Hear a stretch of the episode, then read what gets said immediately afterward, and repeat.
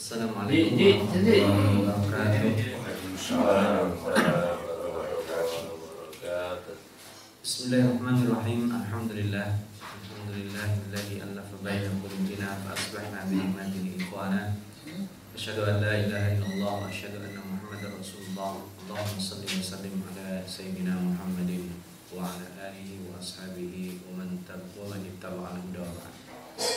Bapak-bapak, ibu-ibu kaum muslimin dan muslimat yang dirahmati Allah Subhanahu wa taala. Kita bersyukur kepada Allah pagi hari ini di hari Jumat Sayyidul Ayyam di hari yang Allah muliakan, di hari yang Allah istimewakan.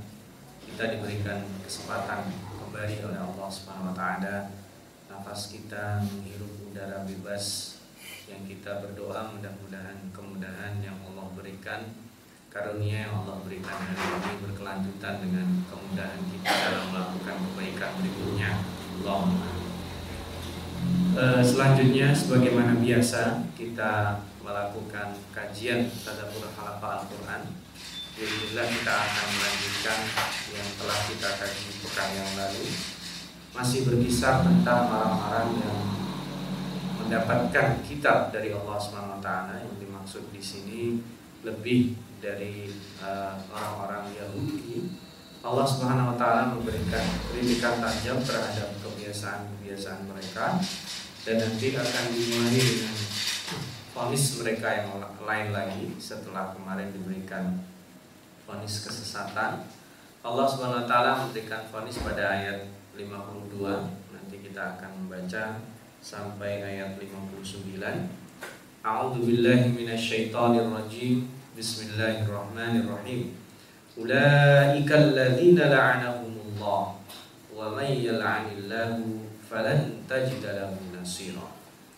Mereka itulah orang-orang yang dilaknat oleh Allah dan barang siapa yang dilaknat oleh Allah maka dia tidak akan pernah menemukan orang-orang yang bisa menolong atau menyelamatkan dari laknat Allah. Sebelum membahas ayat ini sebagai review yang telah kita bahas pada pertemuan sebelumnya, Allah Subhanahu wa taala menjelaskan kepada kita orang-orang yang menyucikan dirinya dalam artian orang-orang yang menganggap diri mereka suci setelah sebenarnya mereka mendapatkan perintah untuk taat kepada Allah tapi mereka hanya kami mendengarkan tapi tidak melaksanakan.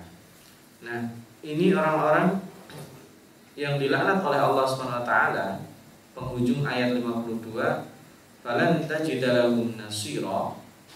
Nasiran itu adalah bentuk superlatif dari nasira yaitu orang yang menolong. Ketika di, dikatakan nasira berarti tidak ada satupun orang yang bisa menolong. Kalau kita tidak bisa mendapatkan pertolongan dari tetangga kita mungkin kita bisa minta tolong sama tetangga lainnya sama saudara lainnya sama orang-orang yang lainnya itu bagian dari konsekuensi sosial ketika kita hidup di uh, dunia bertetangga berteman dan lain sebagainya. Tapi ketika yang melaknat adalah Allah siapa yang bisa menolong kita? Nggak bisa. Maka falan tajidalahu nasira di sini adalah kemutlakan tidak bisa diselamatkan dari uh, laknat Allah Subhanahu wa taala lalu di ayat 52 dan 54 ini uh, bentuknya adalah at-taubih. Pertanyaan tapi sebenarnya pertanyaan ini e, untuk memberikan positioning bahwa mereka betapa buruknya. Ketika Allah Subhanahu wa taala melaknat harusnya mereka menghindar dari laknat Allah. Am lahum nasibum minal mulki fa idzal la yutuna nasa naqira. Apakah mereka mendapatkan bagian dari kekuasaan ataukah mereka adalah orang-orang yang bisa menyelamatkan diri dari laknat Allah Subhanahu wa taala.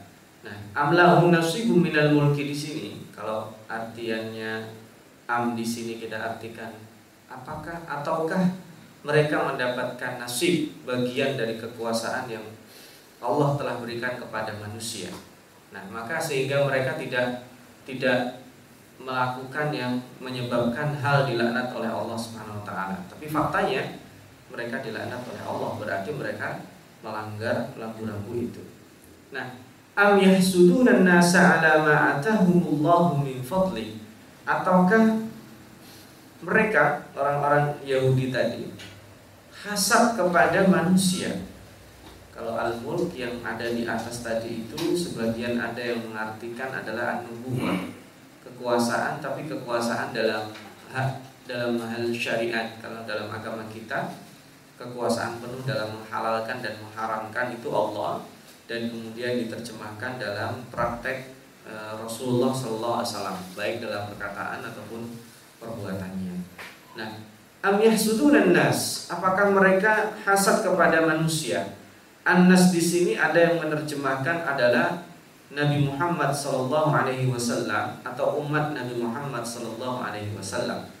Ala ma atahumullahu min fadlihi. Ketika diterjemahkan hi di sini min fadlihi Eh, dari Allah Subhanahu wa taala, maka orang yang paling besar mendapatkan fadl dari Allah Subhanahu wa taala itu adalah Nabi Muhammad sallallahu alaihi wasallam. Karena dalam ayat lain nanti dijelaskan wa kana fadlullahi 'alaika 'azima. Maka sesungguhnya e, pemberian keutamaan dari Allah Subhanahu wa taala yang diberikan kepada engkau Muhammad adalah sangat besar. Nah, ini nanti ada juga di eh, penghujung ayat 54 ini. Faqad ataina ala Ibrahim al-kitab wal hikmah wa atainahu mulkan azima. Nah, ini dijelaskan ya. Eh, kekuasaan dan mulkan azima yang paling besar itu adalah eh, nubuwah. Jadi kekuasaannya itu eh, yang membuat seseorang tidak bisa dibantah itu adalah kekuasaan dari Allah Subhanahu wa taala. Jika ada seorang raja berkuasa, maka kuasaannya sebenarnya terbatas, wilayah teritorial membatasi dia. Ketika seseorang berkuasa di kerajaan A, dia terbatas, tidak mampu e, berbuat apa-apa di wilayah kerajaan B, ya. Nah, maka itu mulkannya terbatas. Tapi ketika Allah Subhanahu wa taala mulkan azima, kekuasaannya sangat besar, ditopangnya oleh Allah Subhanahu wa taala. Itu pun kekuasaan yang besar ini oleh Allah Subhanahu wa taala tidak boleh bukan disalahgunakan, tidak boleh disalahartikan. Karena Nabi Muhammad wasallam pernah ditegur oleh Allah Subhanahu wa taala seolah-olah e, Nabi Muhammad merasa apa pun bisa e, diselesaikan tanpa bukan tanpa izin Allah. Kalau kita ingat dalam kasus Ashabul Kahfi, beliau ditanya langsung menjawab, oh, besok saya jawab. Allah tegur karena sebenarnya harusnya tidak demikian cara menjawabnya kekuasaan kamu yang uh, penuh di dalam menjawab ini tetap berada di dalam kontrol Allah SWT. Maka kemudian justru bukan jawaban yang pertama tentang Ashabul Kahfi atau Dzulkarnain yang ditanyakan. Nah, sebenarnya pertanyaan itu adalah untuk menjatuhkan Nabi Muhammad SAW yang itu datangnya bukan dari kafir Quraisy. Kafir Quraisy itu hanya uh, proksi kalau bahasa modern sekarang yang menginginkan sebenarnya adalah orang-orang uh, ahli kitab dari kalangan Yahudi uh, yang pada waktu itu banyak ada di uh, Madinah, sedangkan di Makkah tidak ada ahli kitab. Nah maka mereka bisik-bisik uh, Muhammad, coba kamu tanyakan kepada Muhammad tahu nggak dia tentang Ashabul Kahfi, tentang Dzulkarnain, tentang Ar-Rum. Nah lalu Nabi Muhammad menjawab, ya saya jawab besok. Ternyata Allah justru tegur, wala taqulanna li syai'in inni fa'ilun dzalika ghadan. Jangan kamu katakan sesuatu, kamu melakukan apa melakukan ini kecuali uh, illa Allah, kecuali Allah menghendakinya. Nah, maka di sini mulkan azimah itu tetap terbatas ya. Nah, yang kedua, faqad ataina ala Ibrahim dan Allah telah memberikan kepada keluarga Ibrahim sebelum ini Alkitab. Jadi keluarga Ibrahim yang dimaksud di sini adalah para nabi. Jadi nasibum minal mulki itu Eh, sebagian besar mufassirin menerjemahkan al-mulk kekuasaan ini jangan dibayangkan kekuasaan yang bentuknya materi. Jadi kekuasaan yang dibicarakan sekarang itu adalah kekuasaan non materi. Jadi gini, orang itu iri selamanya bukan karena harta kita, Bapak-bapak dan ibu-ibu sekalian yang dimuliakan Allah. Pengaruh kita di tengah masyarakat itu juga kadang membuat iri orang. Pengaruh Nabi Muhammad di tengah masyarakat itu juga kadang membuat iri ahli kitab dan bukan hanya ahli kitab nanti orang munafik uh, Abdullah bin Ubay Ibn Salul itu kan aslinya dia itu mempersiapkan dirinya menjadi pimpinan di Madinah. Tapi dengan datangnya Nabi Muhammad SAW secara sosial pengaruhnya terdesak karena memang faktanya kualitasnya beda antara Nabi Muhammad dengan Abdullah bin Ubay bin Salul ini. Ya, maka itulah yang membuat dia diiringi oleh banyak orang. Jadi diiringi bukan karena mulkan itu adalah kekuasaan fisik. Karena kalau kekuasaan fisik e, diiringi orang gampang bisa digulingkan. Tetapi ketika mulkan azim, kekuasaannya adalah kekuasaan yang sangat besar, bagaimana mungkin bisa digulingkan? Kalau sekarang ada raja berkuasa kita nggak suka, iri, gampang ganti aja itu raja, ya. Tapi bagaimana mungkin kita, mohon maaf, misalnya kita ini membandingkan ya bukan mulkan azim. Ada seorang uh, kiai yang harismatik ya ada seorang uh, ulama yang harismatik kemudian kita iri sama dia bisa nggak kita kita kudeta misalnya. Udah saya aja misalnya ulamanya misalnya. Nggak mungkin karena itu sesuatu yang sulit. Nah, maka mulkan alimah di sini uh, melebihi kekuasaan fisik dari para raja yang di, uh, diiringi orang punya kekuasaan. Kalau kekuasaan fisik itu e, seseorang iri mungkin mudah sekali untuk di, e, diganti atau dihilangkan. Tapi ketika kekuasaannya adalah non fisik e, atau nubuah tadi ada tasyrik di sana, maka itu sangat sulit sekali untuk diganti oleh orang-orang yang hasad tadi. Nah, itulah yang menyebabkan tingkat hasadnya sangat sangat besar. Ya. Faminhum man amana bihi man sadda'an Da, di antara mereka ahli kitab itu ada orang yang beriman, wajar ya. Wa minhum man sadda'an. Nah, ini kan harusnya kan kalau dalam bahasa uh, per, uh, perbandingannya, wa minhum man amana bihi wa minhum man kafar. Ada yang beriman, ada yang kafir. Tapi di sini wa minhum man amana bihi yang beriman kepada bihi Nabi Muhammad sallallahu alaihi wasallam wa minhum man itu bukan hanya tidak beriman, menghalang-halangi apa saja yang uh, akses dari mulkan azimah tadi itu. Orang sudah itu ya semakin dihalang-halangi dan itu makin membuat jangan sampai ini Nabi Muhammad punya akses ke si Anu. Jangan sampai punya akses ke si Anu. Begitu punya akses, wah itu makin bencinya. Nah, ini hasadnya luar biasa. Wa kafa bi jahannam sa'ira dan cukuplah jahannam itu uh, menyala-nyala atau tungku yang menyala-nyala. Nah, sebenarnya itu itu ancaman secara tidak langsung. Ancaman langsungnya ada di ayat 56. Innal ladzina kafaru bi ayatina sawfa nuslihim nar. Kullama nadijat juluduhum baddalnahum juludan ghairaha liyadhuqul 'adzab. Innallaha kana 'azizan hakima. Sesungguhnya orang-orang yang kafir terhadap ayat-ayat kami, orang-orang yang mendustakan meskipun sudah gamblang, sudah jelas Eh, bukti mulkan alimah tadi itu Nah ini yang menarik nanti kita baca perbandingannya ya Saufa nuslihim nar Saufa di sini untuk ancaman jangka panjang Biasanya ancaman itu nggak mungkin langsung uh, Kamu kalau nggak percaya akan saya pukul sekarang Nah itu bukan ancaman nah, Kalau pukul sekarang kemudian nggak dipukul sekarang Ancamannya jadi hilang gitu. Kalau kamu melakukan lagi akan saya beginikan. Artinya tidak sekarang kesalahannya. Jadi bahasa ancaman di mana-mana itu adalah untuk e, jeda waktu yang lebih longgar. Makanya dalam bahasa Arab dipakai bukan bukan sanuslim tapi saufa. Saufa itu untuk e, jangka yang lebih panjang. Naro nuslihim naro e, bukan hanya sekedar dimasukkan neraka. Kalau dimasukkan neraka saja itu kita pernah mempelajari tempo hari ya ada ada mukim ya. E, mukim tidak diapa-apakan tidak disiksa seseorang berada di dalam neraka aja panas. Ya. tidak diapa-apakan itu tersiksa. Apalagi di sini jelas-jelas nuslihim. Atas itu e, e, bahasanya adalah apa ya kalau makanan itu dipanggang. Dipanggang nara dipanggangnya di atas AC mah gak apa-apa. Di sini dipanggang di atas api. Dan lihat, kullama nadidat nadijat juludu badalnahum juludan ghairaha. Ketika kulit mereka itu matang, terkelupas, kulitnya dikembalikan. Nah ini dalam ilmu medis diteliti ternyata memang yang merasakan itu kulit. Kalau kulitnya udah nggak ada, orang nggak merasakan sakit lagi. Maka di sini ada kata-kata apa? Liyadukul adab. Jadi orang itu disiksa itu tujuannya bukan untuk dihancurkan. Maka nggak ada orang mati di hari kiamat nanti di neraka ataupun di surga.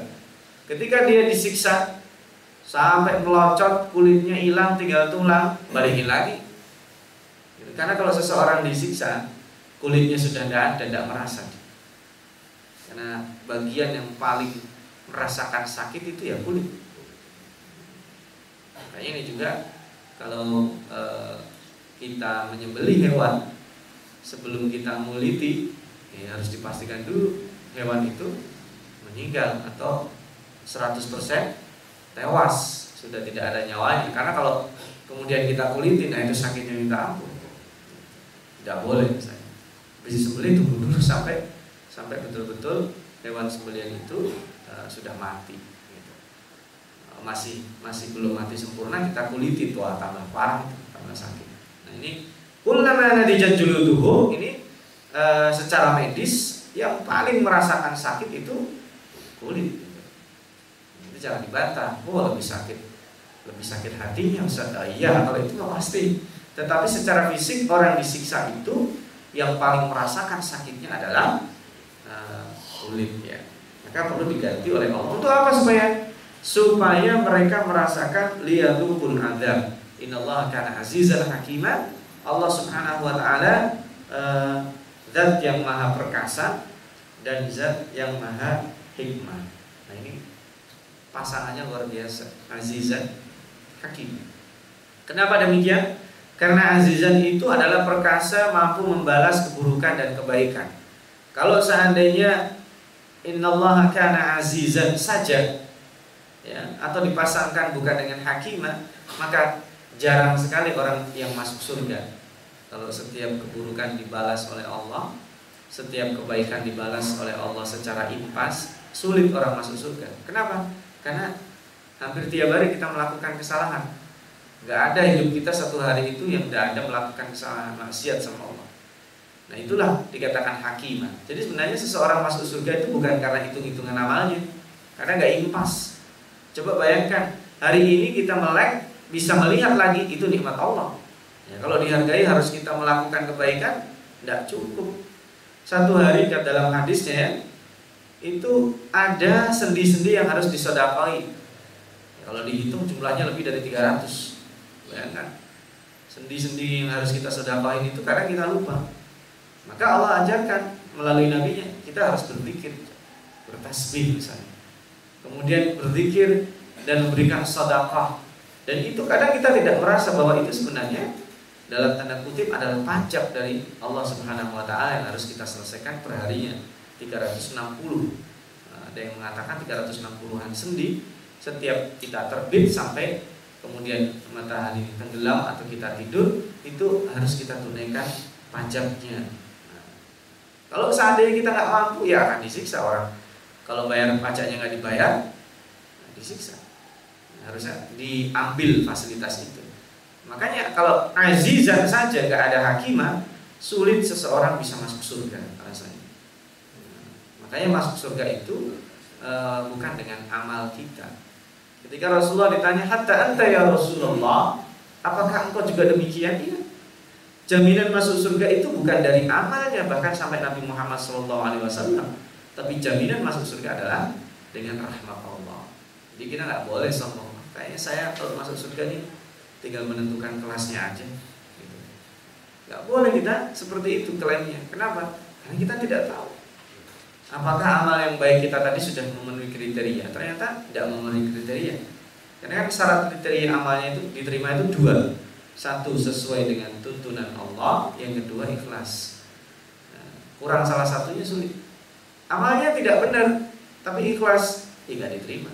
Sholat subuhnya tiga rakaat, tapi saya ikhlas kok, ya tidak diterima. Gitu.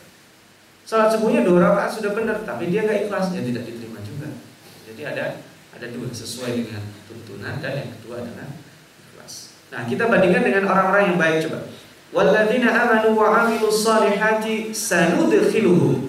Kalau tadi saufa panjangnya. Sekarang sanudkhiluhum jannatin tajri min tahtihal anhar khalidina fiha abada. Nah, beda. Sementara orang-orang yang beriman dan beramal baik sa, nah, bukan saufa. Padahal dua-duanya saufa kan? Baik yang beriman ataupun orang buruk tetap nanti di akhirat. Tapi di sini kenapa sa? Karena dalam seseorang memberikan iming-iming itu tidak boleh terlalu jauh.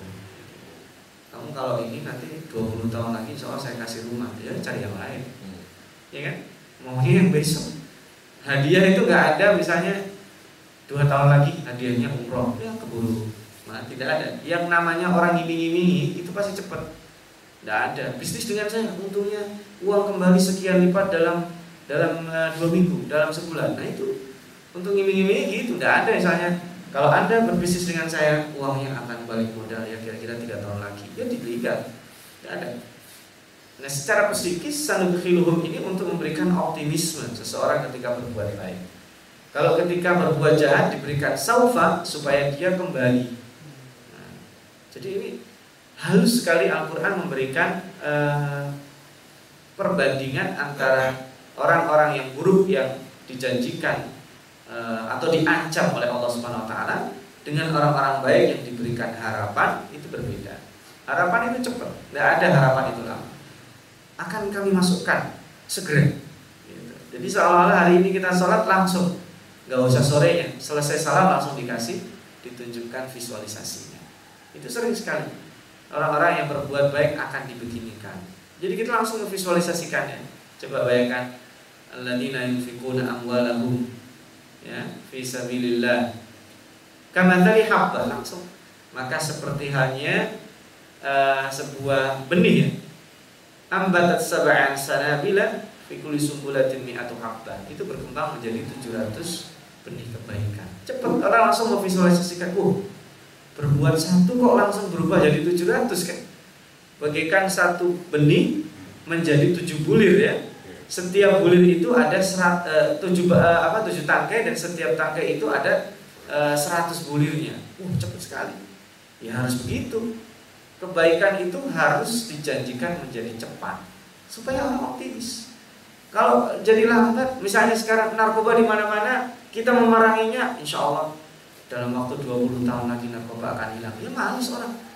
Targetnya dalam dua tahun, dalam lima tahun bebas narkoba, gitu. Nah kalau seseorang mengancam, ancamannya jangka panjang. Karena pertama meninggalkan keburukan yang yang kedua itu ada harapan supaya dia kembali menjadi uh, atau berada dalam trek kebaikan. Itu dua yang utamanya adalah ini menunjukkan luar biasa. Nah, yang bukan hanya dimasukkan ke dalam jannat, sering yang dipakai itu jannatnya padahal. Padahal jannat itu kalau diartikan letterlock adalah taman-taman atau kebun-kebun. Kalau bahasa kita orang berbuat baik dimasukin kebun aja nggak ada rumahnya dimakan nyamuk. Ya kan? Padahal nanti di dalam ayat lain itu dikatakan masa kina nah, tempat-tempat yang toyibah, nyaman. Toyibah itu artinya nyaman, bukan hanya baik tapi nyaman. Bagus, mewah, nggak nyaman. Ada nggak di dunia kayak gitu? Ada. Tapi di sini jannatin pertama itu tajri min tahtihal anhar, selalu itu jannat tajri min tahtil anhar. Karena manusia itu menginginkan itu. Jadi yang di yang diberikan e, gambaran visualisasi itu adalah kenikmatan outdoor dulu karena memang faktanya manusia itu e, kenikmatan dalam indoor itu adalah dukungan dari nikmat yang outdoor kebebasan. Nah, misalnya anda diberikan rumah mewah dan megah tetapi tidak boleh keluar rumah itu tersiksa. Makanya didulukan jannah. Nah, punya taman-taman yang luas udah capek baru istilahnya di dalam wa masakin atau hibah. Jarang sekali dan hampir tidak ada Al-Fakir teliti di dalam Al-Quran didulukan masakin dulu baru jannah tidak ada. Nah itu bahasa kita aja kemudian jannah disebut dengan surga. Kalau bahasa letter letternya jannah ya taman-taman Kan kalau kita mikir orang yang berbuat baik diberikan taman, apa enaknya taman? Gak merasa kita. Begitu kita dikasih rumah mewah, tapi Anda adalah tahanan rumah, tidak boleh keluar rumah. Ya enggak, percuma. Di dalam rumah ini ada kolam renang, ada TV, ada akses internet, ada macam-macam, tapi syarat satu, Anda tidak boleh keluar rumah. Kira-kira mana lebih milih? Dikasih gubuk aja tapi di tamannya luas sekali, pasti milih yang kedua. Di di luar bisa macam-macam, bisa pergi ke mana, tapi begitu dikurung selesai. Maka ini disebut dengan nikmat yang luar biasa jannah lagi bukan hanya jannah tamannya itu macam-macam. Bosan di taman atau di kebun kebun kacang pergi ke kebun sirih capek pergi ke kebun jeruk. Nah, bahasa kita lah istilahnya. Jadi dia berada di kebun-kebun. Sebenarnya Jakarta ini penuh dengan jannah sebenarnya kan? Hmm. nah, ada kebun kacang ada kebun sirih ada kebun kebun jeruk dan sebagainya. Nah ini visualisasi itu yang sangat luar biasa ditambah lagi khalidina fiha abada. Khalidina fiha itu bukan hanya sekedar kekal di dalamnya, tapi begitu nikmatnya itu begitu. Khalidina fiha itu bukan secara fisik saja, kondisi artinya. Kan kita masa muda enggak khalidina fiha, entar lagi tua. Nah, kaya enggak khalidina fiha, bisa jadi nanti miskin. Sehat enggak khalidina fiha. Tapi nanti di surga itu semuanya khalidina fiha. Bukan tempatnya. Di sini adalah untuk menggambarkan waktunya. di fiha kayak gitu. Bahkan dikatakan nikmatnya makin ke sana makin enak. Kalau kita di dunia, makanan yang paling enak itu kapan? Ketika kita santap pertama kali. Nah orang sudah kenyang dikasih makanan meskipun sangat enak, makan gak dia? Ya makan tapi sudah tidak enak. Minum juga gitu. Minum yang paling enak adalah ketika pertama kali kita minum dalam keadaan haus, sudah gitu minumannya luar biasa enak. Tapi kalau sudah tidak haus, apalagi sangat kenyang dikasih makanan minuman dia tidak menyentuh. Tapi di, di surga tidak demikian. Makanan itu sama dengan asupan pertama dengan asupan berikutnya. Dan itu dikatakan khalidina fiha cukup sebenarnya. Tapi kenapa ditambah abadan? Abadan memang uh, selama-lamanya. Kondisi seperti itu terus selama-lamanya. Nah ini yang kedua. Jadi yang pertama adalah nikmat fisik outdoor tadi ya. Yang di ayat lain diterjemahkan ada masa atau fi jannati adan di sini ditambah lagi khalidin fiha. Ya, tadi taman-taman yang ada airnya ya. Ada sungai-sungai. Yang ketiga, setelah kekal tadi itu, lahum fiha azwajum mutahhara. Mereka akan mendapatkan istri atau pasangan-pasangan yang suci. Baik suci fisiknya ataupun suci hatinya. Suci fisik itu ya tidak pernah kalau terjemahan rata-rata diterjemahkan tidak pernah haid, tidak pernah nifas tidak pernah ada halangan. Dan di sini bahasanya azwaj. Ini kalau dalam terjemahan letterlock sering kita mengatakan ini adalah bidadari. Dan bidadari itu siapa? Nah, dalam bahasa Al-Qur'an itu macam-macam. Disebut dengan hurun ain ya, yang sifatnya itu lu-lu atau disebut juga marjan atau disebut juga khairatin hisan atau disebut juga kasirat torfi.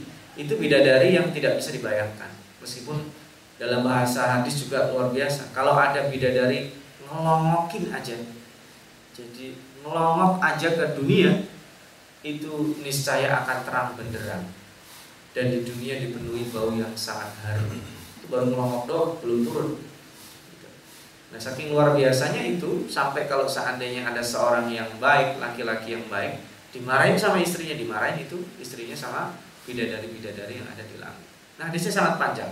Singkatnya bahwa azwajun mutahhar di sini uh, Al-Fakir cenderung bahwa ini juga including istri di dunia.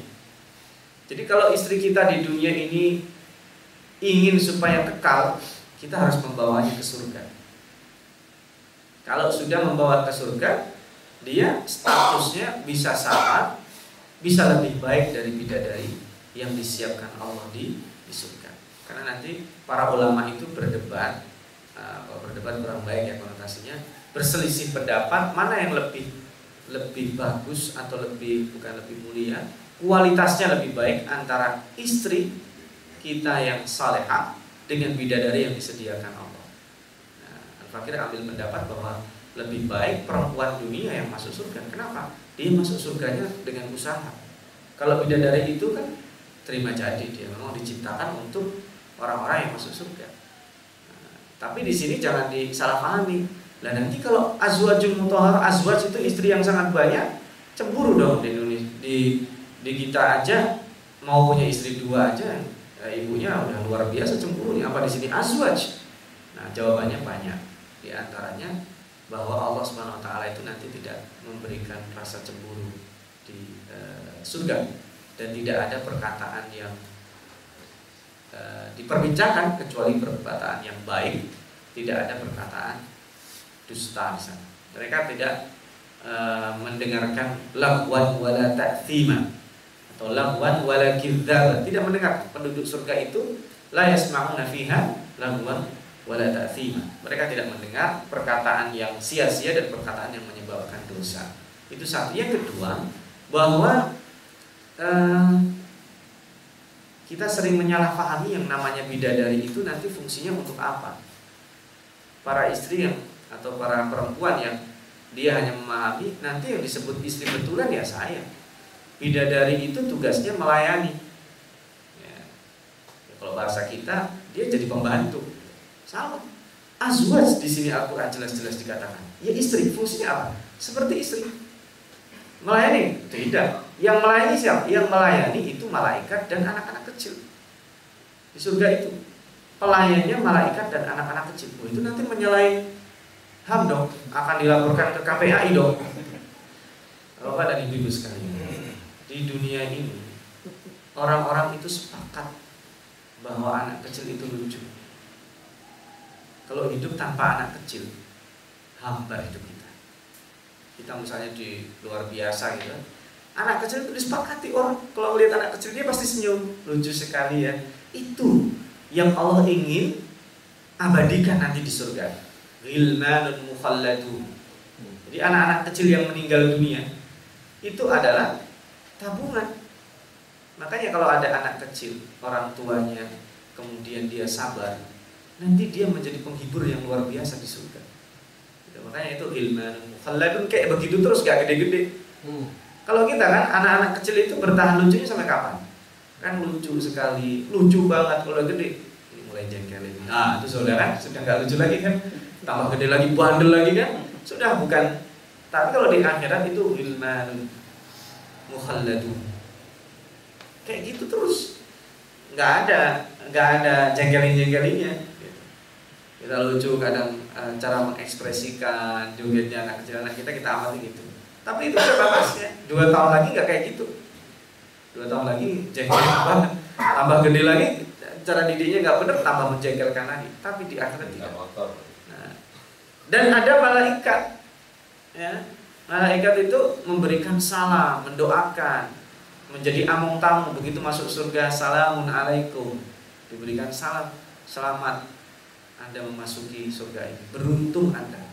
Kemudian dibawa masuk ini ruangan anda. Ya kayak kita ketika dapat rumah baru sama sama yang guide itu ini nanti bisa dipakai ini mempromosikan luar biasa. Kita visualisasikan aja. Meskipun nanti baik bidadari ataupun surga ataupun pelayan itu itu tidak bisa kita samakan. Nanti akan lebih sangat luar biasa. Sama dengan dengan siksaan neraka. Nggak bisa. Nggak bisa divisualisasikan. Itu hanya supaya kita membayangkan luar biasanya nikmat Allah Taala maka azwajul mutahharah itu kenapa ini kok untuk laki-laki ya karena laki-laki itu ya zuyyina linnasi hubbus minan nisa yang pertama kali dipermanenkan di dunia laki-laki yang normal ya akan selalu menyukai perempuan. Bapak yang masih 28 dengan yang udah 82 kalau melihat perempuan cantik pasti sepakat. Nah, itu laki-laki berbeda dengan perempuan. Jadi tidak ada ketertarikan fisik terhadap laki-laki baik ketika masih muda atau ketika apalagi ketika sudah tua. Berbeda. Maka meskipun zuyina linnasi hubus syahawatu minan nisa itu untuk laki-laki yang pertama kali untuk perempuan beda pemaknaan hubus syahwatu minan nisa itu adalah pada dirinya jadi perempuan itu menyukai perempuan itu bukan suka secara jenis bukan dia menyukai dirinya sebagai perempuan kalau laki-laki ya itu tadi kenapa perlu diberikan azwajun mutahara diiming-imingi itu ya kalau dia mempertahankan yang halal akan Allah berikan uh, bidadari maka dalam bahasa Al-Qur'annya itu ayat Godul Basar itu untuk laki-laki duluan. Perempuan iya, tapi kenapa laki-laki duluan? Karena memang ketertarikan fisik biasanya uh, untuk laki-laki. dan karena dia ah saya sudah nikah tapi masih melihat perempuan masih cantik juga ya kayaknya nah kamu punya yang halal loh kalau dia bertahan demikian akan diberikan yang unlimited oleh Allah taala. Di dalam surga itu dalam hadis doa Bukhari seseorang minimal mendapatkan dua istri. Nah itu di situ ada perdebatan. Kalau dua istri maksudnya apa? Istri yang di dunia dengan istri yang di sana. Nah, minimalnya jum, itu jumlah angka atau gimana? Wallahu a'lam jadi tidak ada orang yang jomblo. Di surga itu nggak ada orang jomblo. Kalau dia meninggalnya belum menikah, sudah disediakan. Kalau dia meninggalnya dalam kondisi mohon maaf sudah bercerai, Allah akan berikan jodoh, entah dikembalikan atau dijodohkan dengan orang lain. Gitu. Jadi intinya e, manusia itu akan diberikan nikmat berjodoh. Ya, di dunia kalau nikmat berjodoh itu kan e, mohon maaf tidak selamanya kekal. Kadangkala namanya bulan madu itu kan ya hanya pas bulan madu habis itu berubah kalau orang Arab mengatakan sahrul asal asal itu artinya madu. Kalau dia nggak bisa maintenance dua tiga bulan berikutnya menjadi sahrul basal. Menjadi bulan basal itu artinya bawang merah. Ketika diiris kan jadi nangis ya, jadi ini azwajun mutahharah dan keadaannya sama khalidina fiha. Nah, wa nudkhiluhum dillan dalila dan mereka semua dimasukkan di dalam uh, keteduhan ya Dillan Dhalila Jadi uh, sudah teduh Dillan itu kalau bahasa sederhananya Kalau kita itu payung Dhalila yang akan memayungi semua.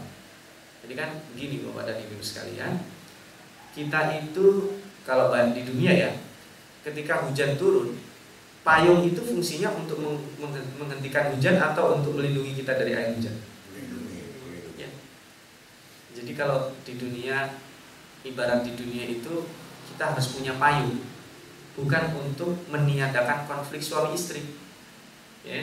Tapi payung itu fungsinya apa? Dilan dolilah justru di bawah berteduh di bawah payung itu menjadi keromantisan. Jadi apa? Itu adalah bukan untuk menghentikan hujan. Di situ untuk melindungi diri kita dari air hujan. Dan itu tidak sepenuhnya. Yang namanya air hujan itu bisa steril. Kita bisa steril atasnya. Kaki kita kena air hujan. Di situ letak kenikmatannya dan ini sekedar visualisasi saja. Artinya tidak seperti itu. Dillam dhalilan itu keteduhan yang sangat luar biasa. Ya. Innal ladina innallaha ya'murukum. Sangat panjang ya, tapi kita singkat ya. Innallaha ya'murukum an tu'addul amanati ila ahliha wa idza hakamtum bainan nasi an tahkumu bil adl. Di sini perintah Allah supaya kita menunaikan amanahnya. Ila ahliha. Uh, amanah itu banyak artinya di sini kan amanah berbentuk uang kita kembalikan. Ada orang nitipin duit di kita 100 ya kita balikin 100. Ada orang nitipin sendal dua balikin dua-duanya jangan satu aja karena kalau sendal balikin satu satunya bisa dipakai. Ya. Wa idza hakamtum bainan nas kalau kita e, mengadili seseorang antah mobil adl. Nanti di dalam ayat lain dijelaskan ini dalam surat An-Nisa di akhir surat An-Nisa ya ayyuhalladzina amanu kunu qawwamina bil qist tegakkan selalu keadilan. Nah, meskipun itu kepada keluarga kita. Kunu qawanina bil qisti syuhada lillahi walau ala anfusikum awil walidaini wal aqrabin. Meskipun itu kepada diri kalian orang tua kerabat. Nah di dalam surat al-maidah lebih dijelaskan lagi. Ya ayyuhalladzina amanu kunu qawamina lillahi syuhada bil qisti wala yajrimannakum syana'an qaumin ala alla ta'dilu ini kepada orang yang kalian benci. Kalau sedang berbuat salah kalian mengadili dia ya harus adil. Kalau kita kan enggak emosional. Ini orang yang kita cintai dibela mati-matian. Ini orang yang kita benci ah kebetulan kita antemin bisa-bisa gitu. Nggak boleh. Maka di sini antah mobil adil innallaha ni'ma ya'idukum bi innallaha kana sami'an basira. Kenapa sami'an basira? Maha mendengar dan maha melihat. Karena kita oh ini nggak ada yang lihat. Allah yang melihat. Oh, karena ini nggak ada yang mendengar. Allah yang mendengar jadi jangan coba-coba kita berbuat tidak adil. Ya ayyuhalladzina amanu atiullaha wa atiur rasul wa ulil amri minkum. Kita sama-sama sudah paham ya. Wahai orang yang beriman, taatlah kepada Allah, taat kepada Rasul. Ini diulang. Atiullah wa atiur rasul. Jangan dipilah-pilah. Oh, saya taat pada Allah aja. Yang ada di Quran aja. Ingkar sunnah, tidak bisa. Atiullah ya atiur rasul. Maka di sini atiullah sendiri, Wa'ati rasul tapi ulil amri gak ada wa'ati Ini bahasa Al-Quran detil sekali. Ati Allah wa ati Rasul. Kenapa tidak wa ati ulil amri? Gak ada. Ati Allah wa ati Rasul itu yang paling superioritas ya, memiliki otoritas kewenangan di dalam memberikan tasyrik. Ya, Allah yang melalui Rasul gitu. Quran ya hadis gitu. Gak ada kita hadis aja. Lebih parah. Quran aja kita ingkar sunnah gak bisa. Aqimus sholat sholat. Lah subuhnya dua rakaat, zuhurnya empat, di Quran ada nggak? Gak ada. Zakat gimana? Nisabnya nggak ada di Quran. Maka Quran dan hadis itu sama. Tapi wa ulil amri minku, kenapa nggak ada wa atiunya? Itu karena dicantolkan. Ulil amri yang kita taati itu yang mana? Yang yang yang Allah, yang anti Rasul. Yang taat kepada Allah dan taat kepada Rasul. Kalau nggak taat kepada keduanya, ulil amri itu tidak boleh kita taati. Di sini ini ayat ini sangat panjang sebenarnya, tapi singkatnya bahwa taat kepada ulil amri itu sering disalahpahami. Ayat ini ini sering disalahpahami. Ya, kita harus taat sama ulil amri, gak boleh dibantah. Lu ntar dulu, ulil amri yang ditaati yang mana? Yang ati Allah, yang ati Rasul. Wa idza tanaza'tum fi syai'in farudduhu ila Allah wa Rasul. Kalau kita berselisih kembalikan kepada Allah dan Rasulnya. Apa maknanya? Kalau berselisih balikinya adalah kepada hukum Allah dan hukum Rasul Quran dan hadis. Ya. In kuntum jika kalian beriman tu'minuna billahi wal yawmil akhir dzalika khairun wa ahsanu ta'wila. Itu lebih baik dan lebih menyelamatkan kita dalam ahsan ta'wil itu bukan hanya sekedar sebaik-baiknya ta'wil tetapi menyelamatkan kita supaya nggak melenceng karena ta'wil itu e, sering dimaknakan sebagai makna yang gak zahir. Nah ini Bapak dan Ibu sekalian yang dirahmati Allah, e, pertemuan kita di e, halakat 87 ini sangat panjang. E, ketika kita mengulasnya dengan e, pendek tidak berarti mereduksi makna ayat ini yang sangat luar biasa. Yang tadi kita membedakan antara nikmat surga dan membedakan antara ancaman neraka. Kemudian kita tadi membahas makna hasad ya mulukan azimah dan terakhir kita. Sebenarnya ini ayat innallah yang murukum ini sudah berbeda tema tetapi e, masih ada kaitan dengan sebelumnya karena kenapa amanah ini dikatakan penting di e, takdir atau dilaksanakan? Orang-orang Yahudi itu mendapatkan amanah. Diberikan kitab. Dikasih tahu bahwa akan ada rasul tapi amanahnya tidak ditunaikan. Setelah itu Eh, dalam Al-Quran dikatakan mereka mengetahui Nabi Muhammad itu sebagai akhir Rasul akhir zaman ya'rifunahu kama ya'rifuna abna'ahum mereka mengenal kayak mereka mengenal anaknya sendiri. Gak ada orang lupa sama anaknya. Itu mereka tahu Nabi Muhammad itu gamblang disebut di dalam kitab mereka sebagai Nabi tapi faktanya kemudian mereka tidak menunaikan amanah itu mudah-mudahan dengan kajian kita pada kesempatan kali ini menjadikan kita orang-orang yang selalu menunaikan amanah dengan baik menegakkan keadilan uh, secara uh, permanen dan kontinu dan lebih dari itu mudah-mudahan amanah untuk menjalankan kitab Allah Subhanahu wa Allah langgengkan dengan keistiqomahan. Mohon maaf jika ada kekurangan. Aku lu qauli hadza ja'alallahu wa iyyakum minal ladzina yastami'una al-qaula fayattabi'una ahsana. Wassalamualaikum warahmatullahi wabarakatuh.